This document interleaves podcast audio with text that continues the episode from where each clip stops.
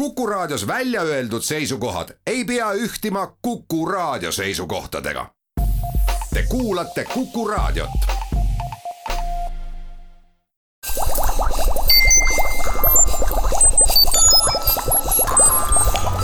Kuku Õun head Kuku kuulajad, Kuku Õun eetris, mina saatejuht Marek Strandberg ja täna oleme külla kutsunud Johan Gustav Lendi, kes on Enefit Greeni just nimelt taastuvenergia arendusjuht. aga me ei räägi mitte ettevõttest, vaid just nimelt nendest tehnoloogiatest, mis sõltumata sellest, kas kunagi Enefit Green neid kasutusse võtab või mitte, on siiski maailmas olemas ja räägimegi Johaniga pigem kui energiaeksperdiga, kui ettevõtte esindajaga. tere, Johan! tervist! kui me nüüd vaatame selle maailma peale, kus äh, küll visalt, aga ikkagi lõppkokkuvõttes on inimesed aru saanud, et ega süsinikku ringesse ajades seda hapnikuga reageerima pannes ehk nii-öelda kõikvõimalikku orgaanikat põletades me väga kaugele ei mureta, kuna kliima ühel ja teisel moel läheb untsu, kas atmosfääri kaudu või siis selle kaudu, et me liigselt biomassigi põletame. millised on need tänased rohkem või vähem utoopilised, aga ikkagi valmis ehitatavad tehnoloogiad, millega me oma energiavajadust rahuldada saaksime? no neid lahendusi on palju eks see on väga pakiline probleem just sellest vaatest, et viimase sajandi jooksul on elektrienergia ja ka soojusenergia muutunud äh, ühiskonna jaoks ikkagi äh, nii-öelda esmavajaduseks ja see, kuidas see meieni jõuab, on äh, muutunud meie jaoks üha olulisemaks. aga praegusel ajal ju tegelikult Eesti elanikkonnad jälgivad elektri hindu, gaasi hindu ja muid energiakandjate hindu nagu, nagu olümpiasporti. pidevalt on uudised, pidevalt monitooritakse ja see on ka toonud erinevate tehnoloogiate arendamisega fookusesse. Neid tehnoloogiaid on palju, aga eks nad kõik keskenduvad sellele, et kuidas võimalikult väikese äh, süsiniku mõjuga ikkagi toota elektrienergiat. on äh, osa, mis siis keskendub nii-öelda ilmastikku sõltuvatele lahendustele, noh see siis tähendab päike, tuul, kui ka tegelikult äh, merelained. aga on ka teine osa, mis siis keskendub sellele, mis toimub päikeses endas, ehk siis kas kas siis tuumasüntees või, äh, või tuumade lõhustamine hoopis. et äh, erinevad lahendused, erinevad ideed ja mis siis äh, täpsemalt ära tehakse, et noh, see ongi nüüd nende erinevate tehnoloogiate konkureerimise küsimus, et mis lahendus on parim. võtame sabapidi kinni tuumatehnoloogiatest. Need on loomulikult arusaadavalt nii, nagu nende eestkõnelejad räägivad, väga väikese kütusekuluga ja mis kõike veel, ometi on kõik tuumatehnoloogiad, sealhulgas ka termotuumasünteesi tehnoloogiad, ju mõnes mõttes klassikalise lineaarmajanduse esindajad, sellepärast et nagu ka tavaline tuumareaktor, mille komponendid lõpuks radiatsiooni käes olles kasutuskõlbmatuteks muutuvad, nende omadused muutuvad kehvemaks kui esialgu, kuna radiatsioon viib läbi reaktsioone, mis muudavad materjali omadusi, sama juhtub ju termotuumareaktoriga.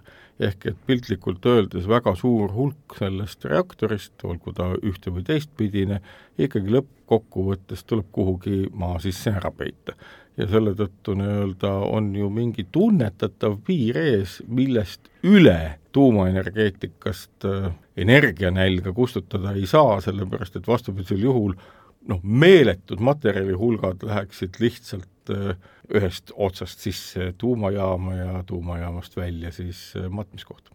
no tuumaenergeetika puhul noh, võiks eri, eristada kahte erinevat lahendust, et noh, printsipiaalselt siis on ühte liiki tuumareaktorid, mis äh, lõhustavad aatomeid, ehk siis võtavad äh, äh, kõrgema siis massiga aatomeid ja lõhustavad neid, luues seeläbi energiat. noh, need on ka tegelikult ju reaktorid, mis tekitavad neid ohtlikke jäätmeid, mis tuleb maha matta, ära peita, hoiduda eemal nendest.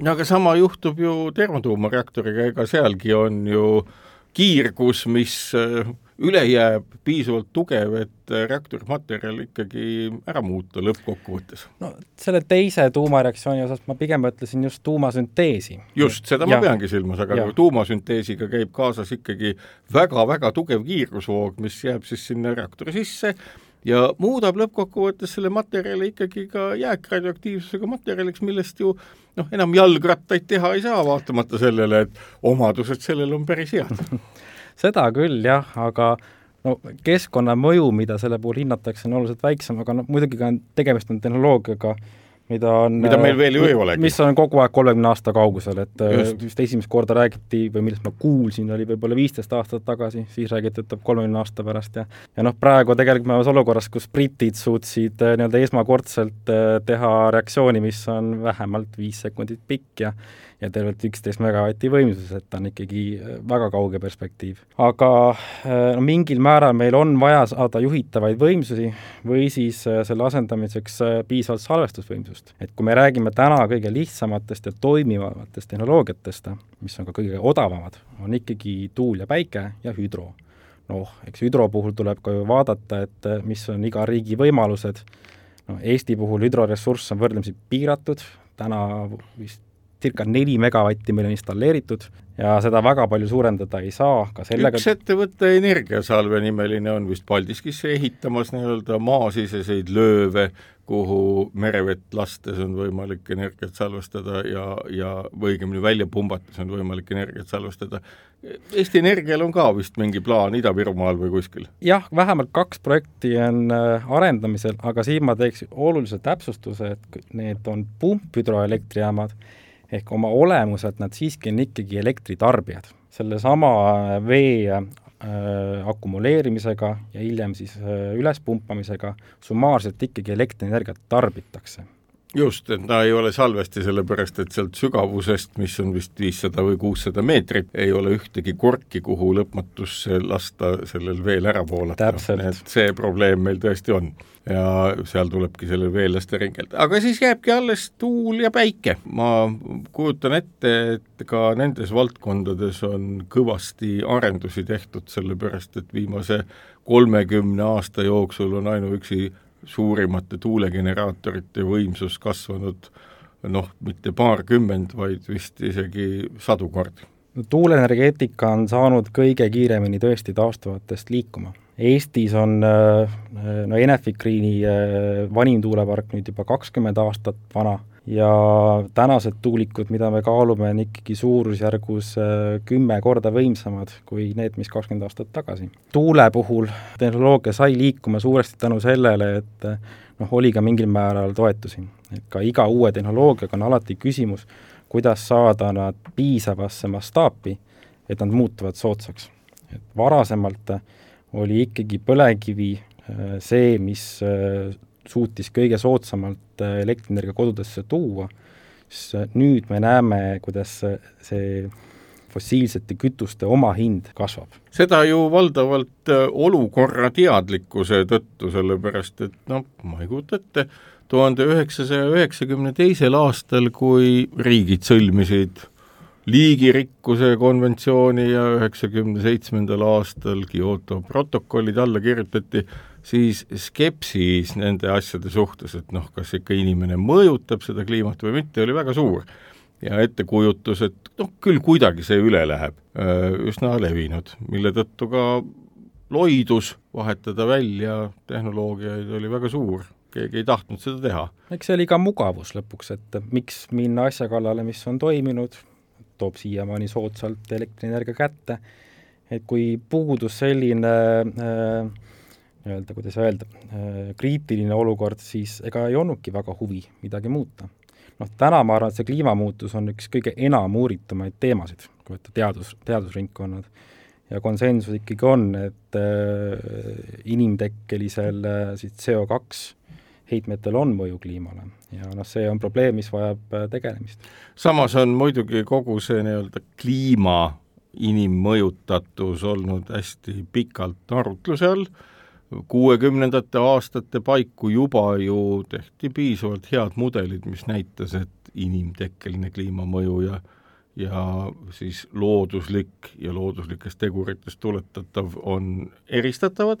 Ja vist eelmisel aastal, kahe tuhande kahekümne esimesel aastal siis said need inimesed, kes seda tuletasid juba väga kõrges eas, üheksakümnendates vist nad mõlemad, Nobeli füüsikapreemia just nimelt sellesama tuvastamise eest. kas see on kuidagi kaasa aidanud sellesse, et skeptilisi isikuid kliimamuutuste inimtekkelisuse asjus on vähemaks jäänud? oh, see on, see on hea küsimus.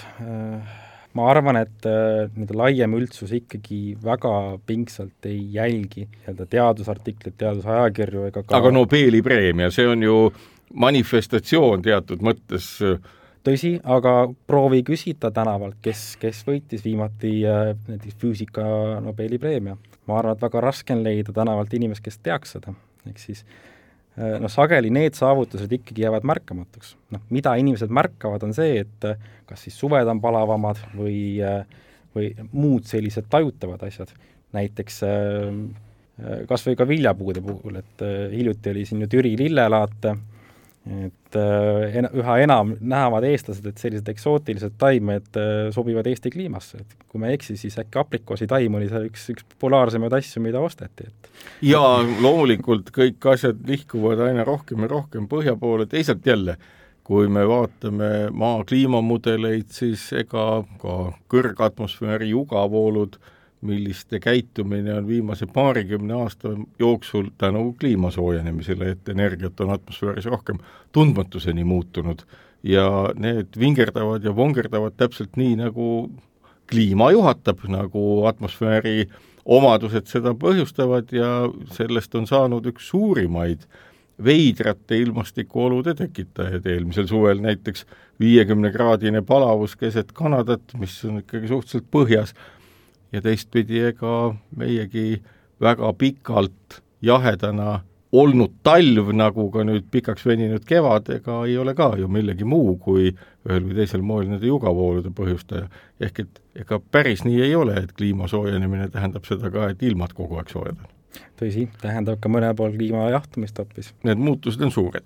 nüüd, kui tulla tuulikute juurde, siis tegemist on õnneks ju niivõrd läbiproovitud tehnoloogiaga, et ega seal ju miskit keerukat, noh loomulikult inseneritehnika mõttes on see ülimalt keerukas ja ülimalt täpne, aga neid osatakse ehitada igal pool maailmas, ma kujutan ette ka Eestis. no tuulikud oma olemuselt on väga vana tehnoloogia, et eh, noh, neid küll algupäraselt ei kasutata mitte elektrienergia tootmiseks, vaid hoopis vilja jahvatamiseks, või ole. puude saagimiseks. või puude saagimiseks, et äh, et tehnoloogia kui selline on iseenesest vana, küll aga see suurem tuulikute areng sai ikkagi alguse üheksakümnendate vältel.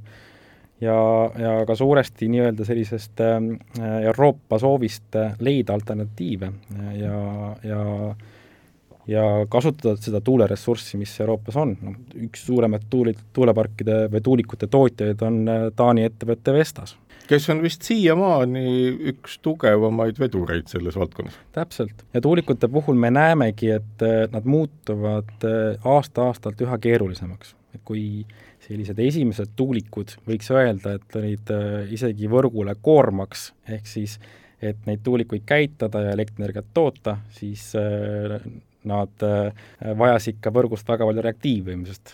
ma saan aru, et reaktiivvõimsus ilmselt väga palju kuulajatele küll ei ütle, aga põhimõte oli, et äh, tuuliku tootmisega kaasnes võrgule täiendav koormus. nüüd äh, aastatega edasi minnes me näeme, et elektrituulikud muutuvad aina võimekamaks, nad suudavad ka enda võimsust reguleerida, suudavad äh, ka sagedust hoida, kui on vaja ja on muutunud siis nii-öelda võrgule koormaks olemise asemel hoopis võrgule toeks olemise. kas see on valdavalt seotud just nimelt elektroonika arenguga, kui selgitada kuulajale ka selle reaktiivvõimsuse nagu negatiivset mõju võrgule, siis kas see tulenes asjaolust, et see tuulik pidi pöörlema enam-vähem samal sagedusel nagu võrk võnkus? Päris mitte, ehm, kusjuures äh, kui võtta Eesti näide veel, siis äh, Eestis, kui esimesi tuulikuid taheti püstitada, siis oli ka võrguettevõtjatel lootus, et nende samade tuulikute kõrvale paigaldataks ka diiselgeneraator. et juhuks, et kui tuul kaob ära, et siis diiselgeneraator suudaks kompenseerida selle, jah, aga see äh, muutus tegelikult tulenes sellest, et et kui algselt ikkagi see, noh, kui sa paned esimesed kümme tuulikut püsti, siis sellel võrgul ei ole mitte mingisugust mõju, et olgugi ta koormab või mitte. aga kui nähti, et need tuulikute potentsiaal on märksa suurem kui esimesed kümme tuulikut, siis äh, loomulikult hakati mõtlema, et kas me saame selliseid seadmeid lubada. et ühelt poolt tuli regulatsioonid, mis seadsid seadmetele aina rangemaid nõudeid ja teisalt oli ka turg.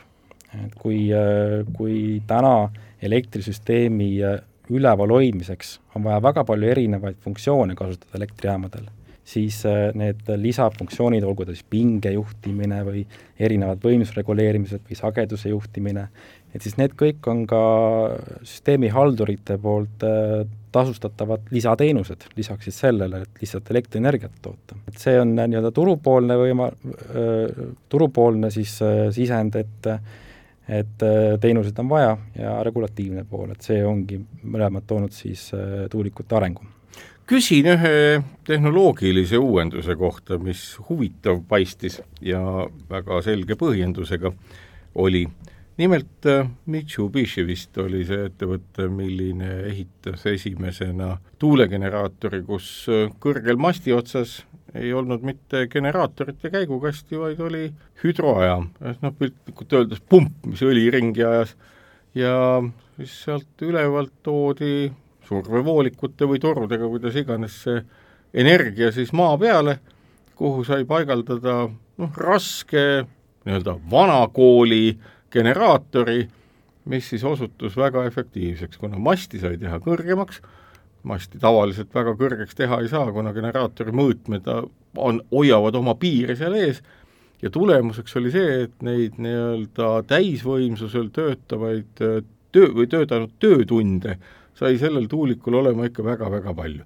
kas sellisel tehnoloogilisel muutusel, kus me noh, kujutame ette nüüd avamere tuuleparke, kus tuulikud on kas siis ujuvatel või, või püsivatel platvormidel ja kus siis noh, tõepoolest nagu vana lihtne generaator, mis on täpne ja turvaline, aga lihtsalt väga suur ja metallimahukas saab olla aluse peal ja kusagil seal kõrgel-kõrgel, võimalikult suure rootori küljes siis ja võimalikult kõrge masti otsas, siis nii-öelda lihtsalt hüdroenergiat tekitav või õlisurveenergiat tekitav, tekitav seadeldis, kas sellistel võiks perspektiivi olla ja kas see võiks olla murdepunkt tuuletehnoloogias? no lähiajal on sellisel tehnoloogial raske näha perspektiivi, aga noh, mure, mida nad lahendavad, on tegelik, ehk kui võtta elektrituulik, siis nad on aastatega kasvanud, tänapäeval ei ole küsimuski tuulikut, kus kondel asubki sada viiskümmend meetrit maapinnast.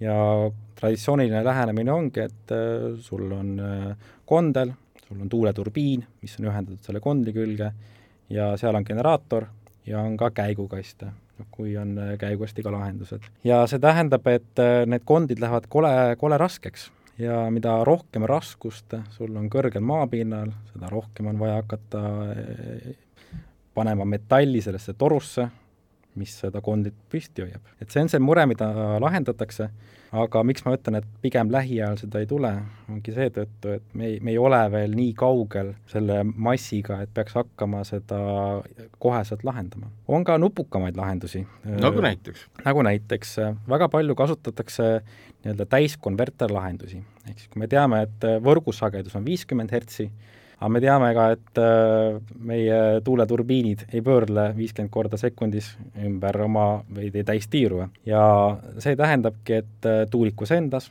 on äh, väga madal sagedus, vahelduv vool muudetakse alalisvooluks ja seejärel jälle võrgusagedusele vastavaks vahelduvvooluks.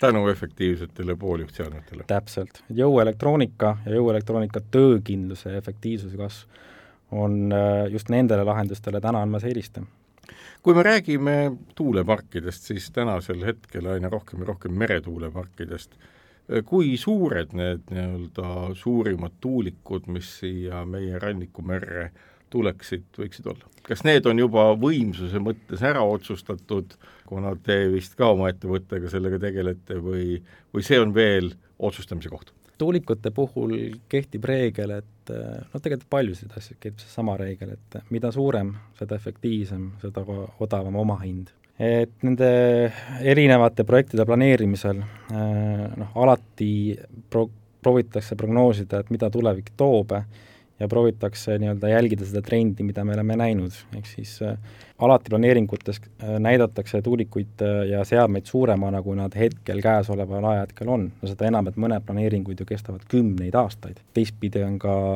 tobe teha planeering olemasolevale tehnoloogiale, et siis seda kümne aasta pärast hakata ehitama ja siis seda teha märksa ebaefektiivsemalt, kui uuema tehnoloogia oleks võimalik aga noh, suurusjärkude mõttes viisteist megavatti ei ole üldse saavutamatu suurus ühe tuuliku kohta. nüüd üks asi, mida on küsitud ja mida arutatakse, on see, et mida selle energiaga peale hakata. hästi palju kõneletakse vesinikust kui võimalikust uuest no nii-öelda energia selgroost või materjalist, ainest, mida kasutama hakata kas need arvukad tuulegeneraatorid, mis meie rannikumeres olema saavad, kas neil üldse on väga palju mõtet rannikule voolu saata või on vesinik see, mille ringlus, mille tootmine, mille muundamine on ka teie nägemist mööda selles Enefit Greenist, nüüd tuleme küll jälle ettevõtte juurde tagasi, aga üks potentsiaalne nii-öelda uus energiakandja, mis tagab nii sõltumatuse Venemaast kui huvikaotuse nafta, gaasi ja kogu selle fossiilse asja vastu, mis ei ole ainult mitte kliimaohtlik, vaid ka julgeolekule ohtlik, kui sellesse väga sügavalt sisse minna. vesinikul iseenesest on tohutu potentsiaal noh, nende tootmisvõimalusi on ka väga palju, aga vesiniku suurim häda on, õigemini tal on kaks suurt häda, et esimene nendest hädadest on, et kuidas seda nii-öelda efektiivselt toota ja teine häda on, et kuidas teda efektiivselt äh, laiali kanda. et kui me võtaksime vesinikku kui elektrisalvestit, ehk siis toodaks elektrit näiteks ka kuskil avamerel, Äh, seal seejärel vesinikku ja kui me sooviks seda seejärel jälle uuesti elektriks konverteerida, siis need kasutegurid kogustsükli on ikkagi kuskil kolmkümmend kuni nelikümmend protsenti. ehk siis me kaotame väga palju energiat äh, selle muundamise peale. teine mõte, kuidas vesi... samas, kui ma võtan nüüd teistpidi, siis ega ju fossiilsest kütusest äh, soojusmasinaga energia tootmise kasutegurid olid umbes samas suurusjärgus ainult sellisel juhul, kui soojust kasulikult ära ei kasutata. et ka Tallinna puhul, Tartu puhul, Pärnu puhul ja ka teiste linnade puhul on väga populaarne koostootmine, ehk siis äh, teha see esimene tsükkel nii-öelda tavalise elektrijaamana ära, saame selle kolmkümmend, kolmkümmend viis protsenti kasutegurit ning seejärel, mis järgi jääb, ongi soojus. et kui võtta koostootmine, siis äh, selle efektiivsuselt kaheksakümmend, kaheksakümmend viis protsenti ei ole midagi võimatut, aga noh, koostootmise häda on see, et et soojust tekib jämedalt kaks korda rohkem kui elektrit. just, ja ehk, siis peaks nagu spaasid või saunamaailmu asutama et sellest midagi saada ja sinna klienti otsima ja nii edasi, et äh, kui me võtame teistpidi, et mingisuguse energiakandja kasutegur on no jutumärkides vaid kolmkümmend protsenti, kuid selle tulemusena kaob meil ära nii väga suur hulk kliimaga seotud probleeme, aga veel rohkemgi julgeolekuga seotud probleeme, siis võib-olla see ongi see vahetuskaup, mida teha? ta on vahetuskaup, ta on hea vahetuskaup siis, kui ei ole pale, paremat alternatiivi. kui on äh, võimalus äh, kas äh, jätta see elekter salvestamata ja leida võimalusi kohe viia seda tarbimisse, siis loomulikult see oleks mõistlikum. me teame ka täna, et akutehnoloogiate puhul see efektiivsus on märksa kõrgem, me räägime siin üle kaheksakümne protsendi efektiivsustest, aga noh, teistpidi me teame ka, et akude puhul on teised probleemid, olgu see siis materjalide kulu, või äh, ka, ka nende eluea kulu või, või mingil määral ka ohtlikkuse küsimus, aga äh, parim lahendus ikkagi oleks, kui me suudaks oma toodetud elektrienergia võimalikult efektiivselt ära kasutada, kui paremat võimalust kui vesinik oma kadudega ei ole, siis noh, loomulikult ka vesinik. siinkohal teeme aga oma saatesse väikese pausi ja kuulake meid pärast vaheaega. kukkuv õun head Kuku kuulajad, Kuku Õun jätkub. külas on meil Johan Gustav Lend, kes on Enefit Greeni taastuvenergia projektide juht, mina olen saatejuht Marek Strandberg ja jõudsimegi eelmises saate osas selle eh, vesiniku dilemmani, mis on siis see, et eh, ühtpidi hea, aga teistpidi nii-öelda ei pruugi ta olla niivõrd hea, kui palju meil üldse häid alternatiive on, kui me ütleme, et vesiniku puhul tema tootmine ja siis kasutamine kütuseelemendis uuesti elektri tootmiseks, kui see vesinik on näiteks kaldale toodud, et eh, kas meil on mingeid väga häid alternatiive täna nii-öelda kasutusse võtta? no vesiniku puhul üks äh, mõte, mis tasub analüüsimist, on ikkagi selle kasutamist meie olemasolevas maagaasitorustikus. Me teame, et vesinik oma omadustelt, kui me räägime põlemise omadusest, ei ole väga erinev maagaasist, seda on võimalik olemasolevasse maagaasitorustikku panna teataval määral, niimoodi, et ei peaks seadmeid oluliselt ringi tegema, mis see määr on, noh, see on keeruline defineerida, kui võtta nii-öelda torustik ise, siis on räägitud viiest kuni, kuni isegi viieteistkümnest protsendist, aga samas me teame, et meil on ka gaasitarbijaid gaasivõrgus, mis on äh, tundlikumad selle gaasi puhtuse, konsistentsi osas ja noh, eelkõige siis äh, CNG-jaamad, noh, CNG, eks ju, kompresseeritud maagaas, mida meie autod kasutavad. nii et äh, olemasolevat infrastruktuuri lihtsalt ümber korraldada on pigem raske, kuna tekib hästi palju segadust. no samas on ka ju tootjad läinud selle peale, et ühtpidi toota nii vesinikku kasutavaid autosid, mida on kiirem tankida kui elektrilisi, kus akusid on vaja laadida, teistpidi Suurbritannias tean, et on katsetatud seda, et ka kodude energiavarustuseks kasutada just nimelt vesinikku, mis siis veidike kopsakama kütuseelemendiga, mille mahuks umbes meie tänased gaasiboileri suurused, anda majale vastavalt vajadusele nii elektrit kui sooja. kas Eesti tulevik võiks olla midagi sellist või maailma tulevik üldse või oskab keegi täna üldse öelda, millises suunas see liikumine läheb, sellepärast et valmistuma võiks ju praegu juba hakata? jah, see on alati hea küsimus, et kus me oleme kümne aasta pärast, et noh, variante ja võimalusi on palju, kui äh, jätkata seda mõtet Suurbritannia näitest, et äkki meil võiks olla mingisugune boileri suuruses seade, mis kasutab vesinikku, toodab sealt elektrienergiat ja toodab soojust, siis see ei pruugigi üldse olla halb mõte, just seetõttu, et sellisel juhul me kasutame seda vesinikku märksa efektiivsemalt kui autodes. autode puhul me oleme näinud juba kaks korda, kus üritatakse elektrifitseerida meie transporti äh, Äh, vesiniku najal, see esimene laine vist oli äkki kahe tuhandete alguses, kus äh, üks-kaks autotootjat proovisid seda lansseerida, aga nagu eelnevalt ka mainitud, siis äh, see efektiivsus nii-öelda kergtranspordis on ikkagi liiga madal, et ta tasuks ära, et seal me ikkagi näeme, et akutehnoloogiatel on eelis. kus akutehnoloogiad jäävad alla, on rasketransport. just samal põhjusel, et äh, vesinikku on võimalik äh, äh, palju tihedamalt talletada kui elektrienergiat äh, akus. jaa, sellepärast et viie või seitsmetonnise akupakiga raskeveok on ikkagi akupaki vedamise raskeveok, et tal selle koorma jaoks jääb aina vähem võimalust. täpselt, et ka nende samade, samade äh, akudega, mis meie kergtranspordis on, siis noh, circa neli kilogrammi akut annab meil äh, neli-viis kilomeetrit äh, sõiduulatust. et äh, see mass, mis on, mida on vaja kaasas tassida, kasvab sellega, kui kaugele me tahame ühe korraga sõita. nii et äh, siin on täpselt seesama jälle nii-öelda piltlikult öeldes jutumärkides kauplemise koht, et mille arvelt midagi saada. jah, noh kindlasti vesinik ei ole universaalne vastus kõigele, kindlasti ta kuskile ei sobi mingil juhul ja kindlasti on kohad, kus tal on tugev potentsiaal kütuse nagu sellisena, tal kindlasti on potentsiaal, ma arvan, et me hakkame nägema vesinikku koos oma nii-öelda mõistlike rakendustega üsna peagi.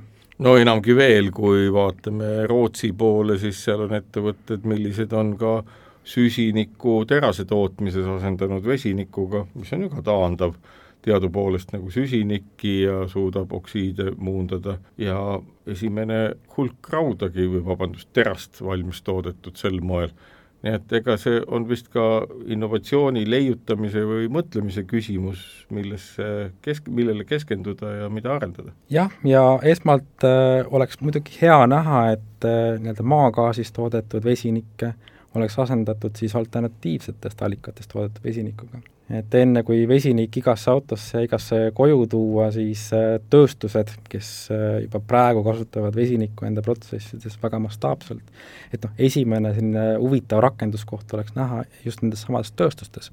kas me suudame seal ühe nii-öelda musta vesiniku asendada teise vesinikuga, mis on taastuv, taastuvatest toodetud. ma mõtlen veel selle peale, et üks dimensioon, mis kogu selles energeetikas olemas on, on väga fundamentaalne küsimus sellest, et kui palju meil üldse on energiat vaja kulutada pidevalt selleks, et ennast hästi tunda. kas äh, energiakulude pidev kasv, nii nagu juba üheksateistkümnendal sajandil keegi Jevons ennustas, et sellest ei ole pääsu, et kui uus tehnoloogia tuleb, mis on efektiivsem, siis on inimesed nutikad, et seda veelgi suuremas koguses kasutusse võtta, kui põlvkond ennem seda olnud. selle Jamonsi nimeliseks paradoksiks seda nimetataksegi, aga et kas on mingeid mehhanisme, psühholoogilisi või tehnoloogilisi, mis tõepoolest seda asjaolu, et täna me vist umbes viis kilovatti energiatarbimist iga eestlase kohta on meil pidevalt nii-öelda kuklas selja taga kütuse põletamise näol ja sada aastat tagasi oli seda kümme korda vähem. kas nüüd täpselt kümme korda vähem, aga peab toime tulema, aga mõned korrad äkki ikka? elektri tarbimine ja äh, majanduskasv on äh, üks sellistest näitajatest, mida, mida hinnatakse riikide puhul, ehk siis kui kui palju tarbib elektri, äh, tarbib, palju kasvab elektri tarbimine võrreldes siis majanduskasvuga. jah, me näeme, et äh, noh, Eesti puhul on iga-aastaselt elektritarbimine ikkagi kaks-kolm protsenti aastas kasvanud, okei okay,, siin Covidi aasta oli vahel, see oli üks aasta, kus tarbimine vähenes, aga teistpidi me peame ka aru saama, et elektri tarbimisega kaasnevad meile ka erinevad mugavused, erinevad hüved, mida me oleme võtnud võrdlemisi omaks, et noh, raske nendest loobuda, ka Eesti puhul me oleme väga palju rääkinud ja näinud meedias, äh, kuidas räägitakse siis äh, hoonete energiatõhusaks muutmiseks, ehk siis küttekulude sääst-, säästmisele, aga teisalt me näeme ka, kuidas meie elamufondis kasvab pidevalt jahutusvajadus, noh, meile meeldivad äh, suured aknad, meile meeldivad modernsed kodud ja modernsete kodude häda on hoopis see, et neid on vaja hakata jahutama ja jahutamine oma energiatarbimiselt on oluliselt äh, intensiivsem kui kütmine.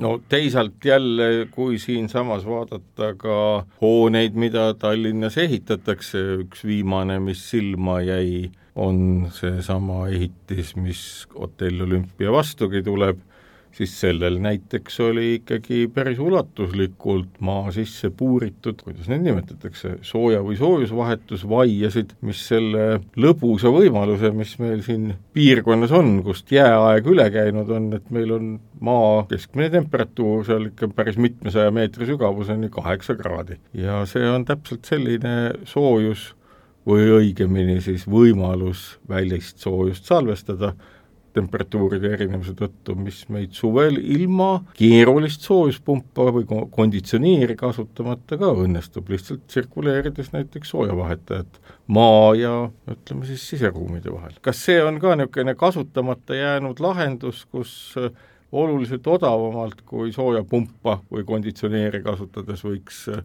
võttagi selle perspektiiviks ja öelda, et kuna iga maja lähedale saab sellise puuraugu ju teha et sellega hoopis jahutada?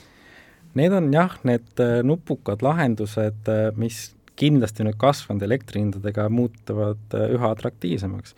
noh, lisaks sellele kesklinnahoonele on ju ka tegelikult lennusadam, mida kõetakse Just. ja jahutatakse samamoodi selle mereveega, mis seal kohal on.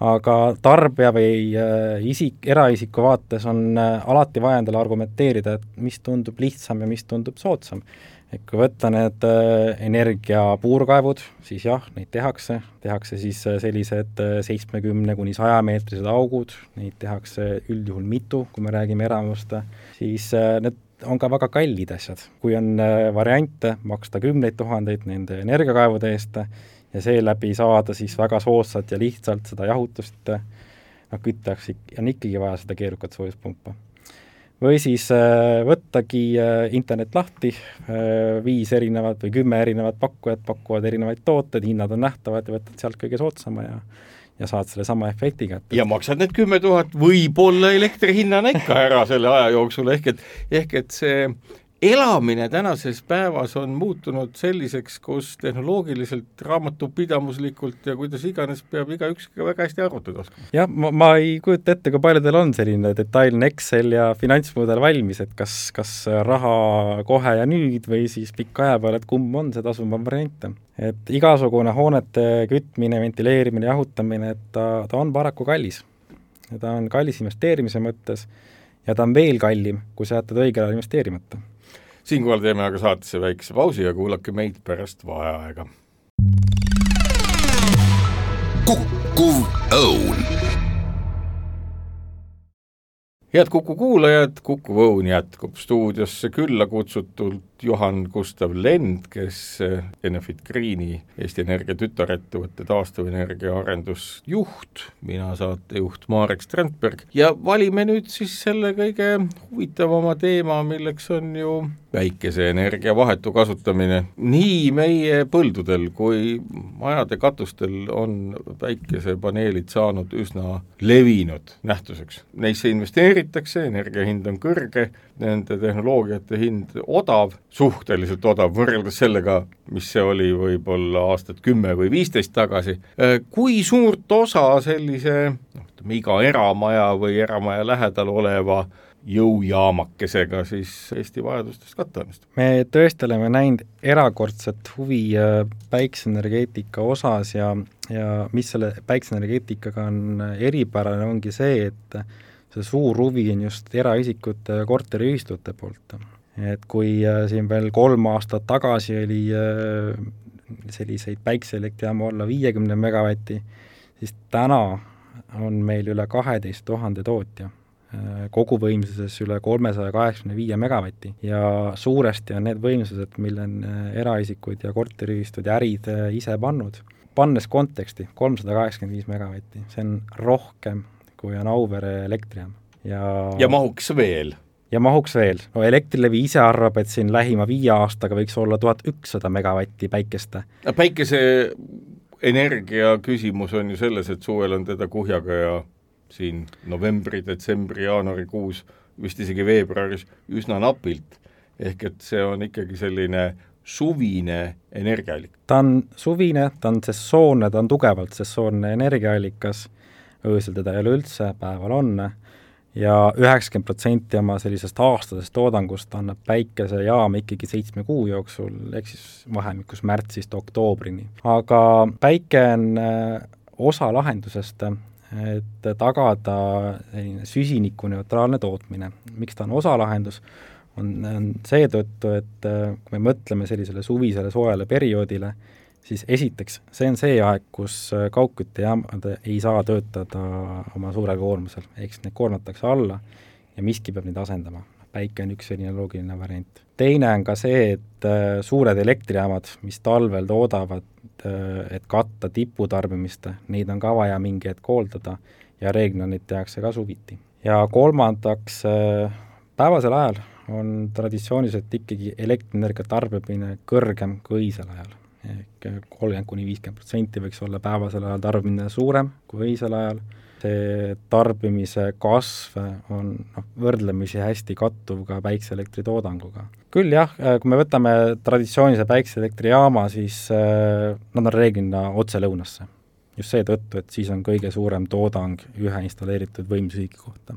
see tähendab, et kella ühe ajal on Eestis äh, päikeseelektrijaamad suvisel ajal oma kõige suurema võimsuse juures reeglina. aga kui on väga palju võimsust ja nad kõik toodavad samal ajal, siis see ka tähendab, et elektrihinnad hakkavad samamoodi päevasel ajal langema, sest kui kõik toodavad, on pakkumist rohkem ja võib-olla ka rohkem kui nõudlust. mis on pannud erinevaid arendajaid mõtlema, on sellele, et kas kõik pargid ikkagi peavad vaatama lõunasse või võiks panna pargid, osad pargid vaatama kagusse, teised pargid loodesse, küll ehk et päikese liikumisega nagu seda tippu laiali määrida? täpselt, tipp laiali määrida, toodangu kadu küll on, aga me räägime mõnedest protsentidest, mille võrra see süsteem toodab vähem aga samas see süsteem toodab hommikuti paremini ja toodab õhtuti. no teine võimalus on arutleda selle üle, et äh, kuhu seda energiat panna. siin on ju aastaid kas või näiteks Tesla pakkunud mingisuguseid nii-öelda imetabaseid Powerwall nimelisi akusüsteeme ja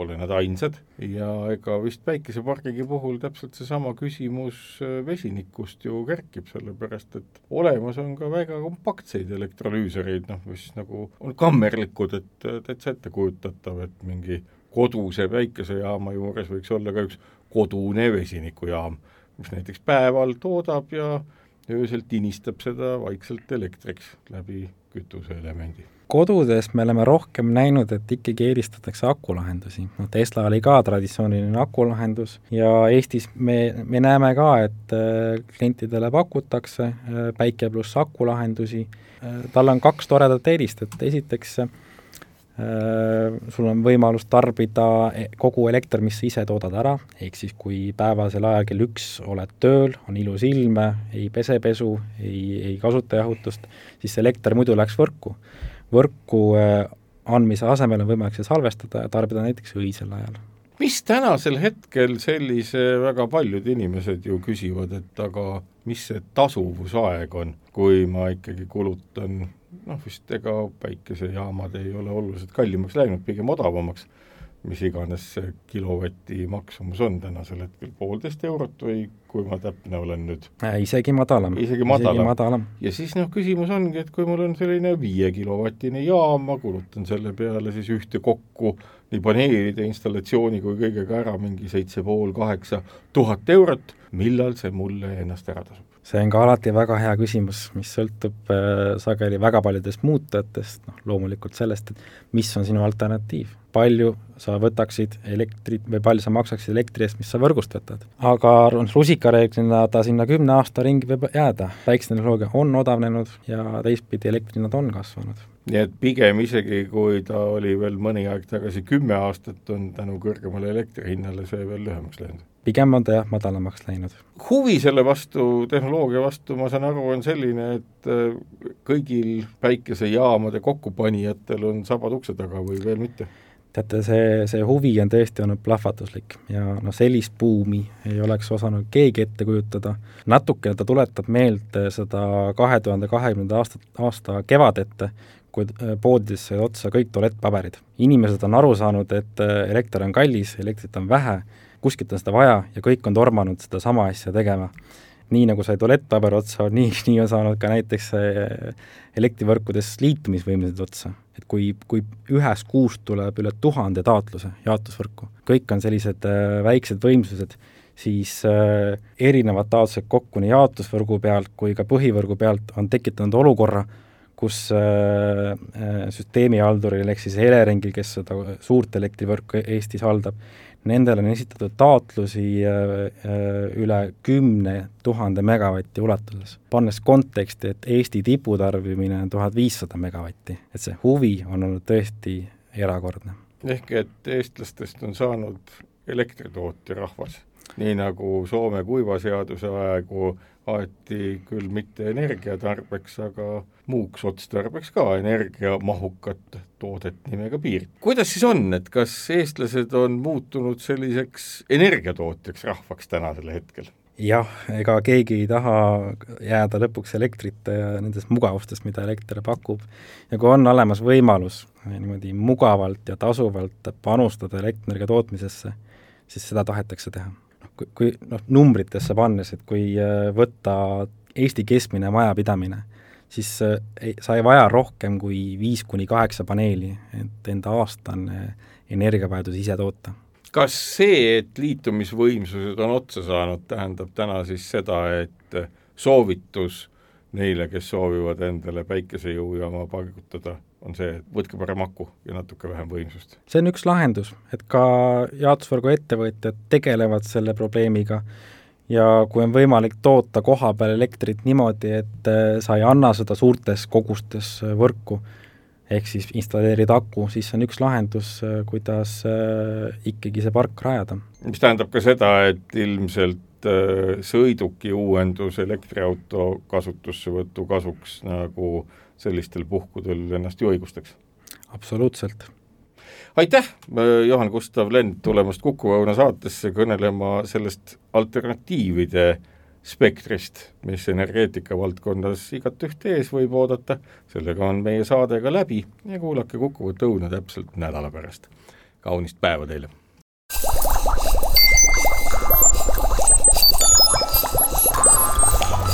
Kuku Õu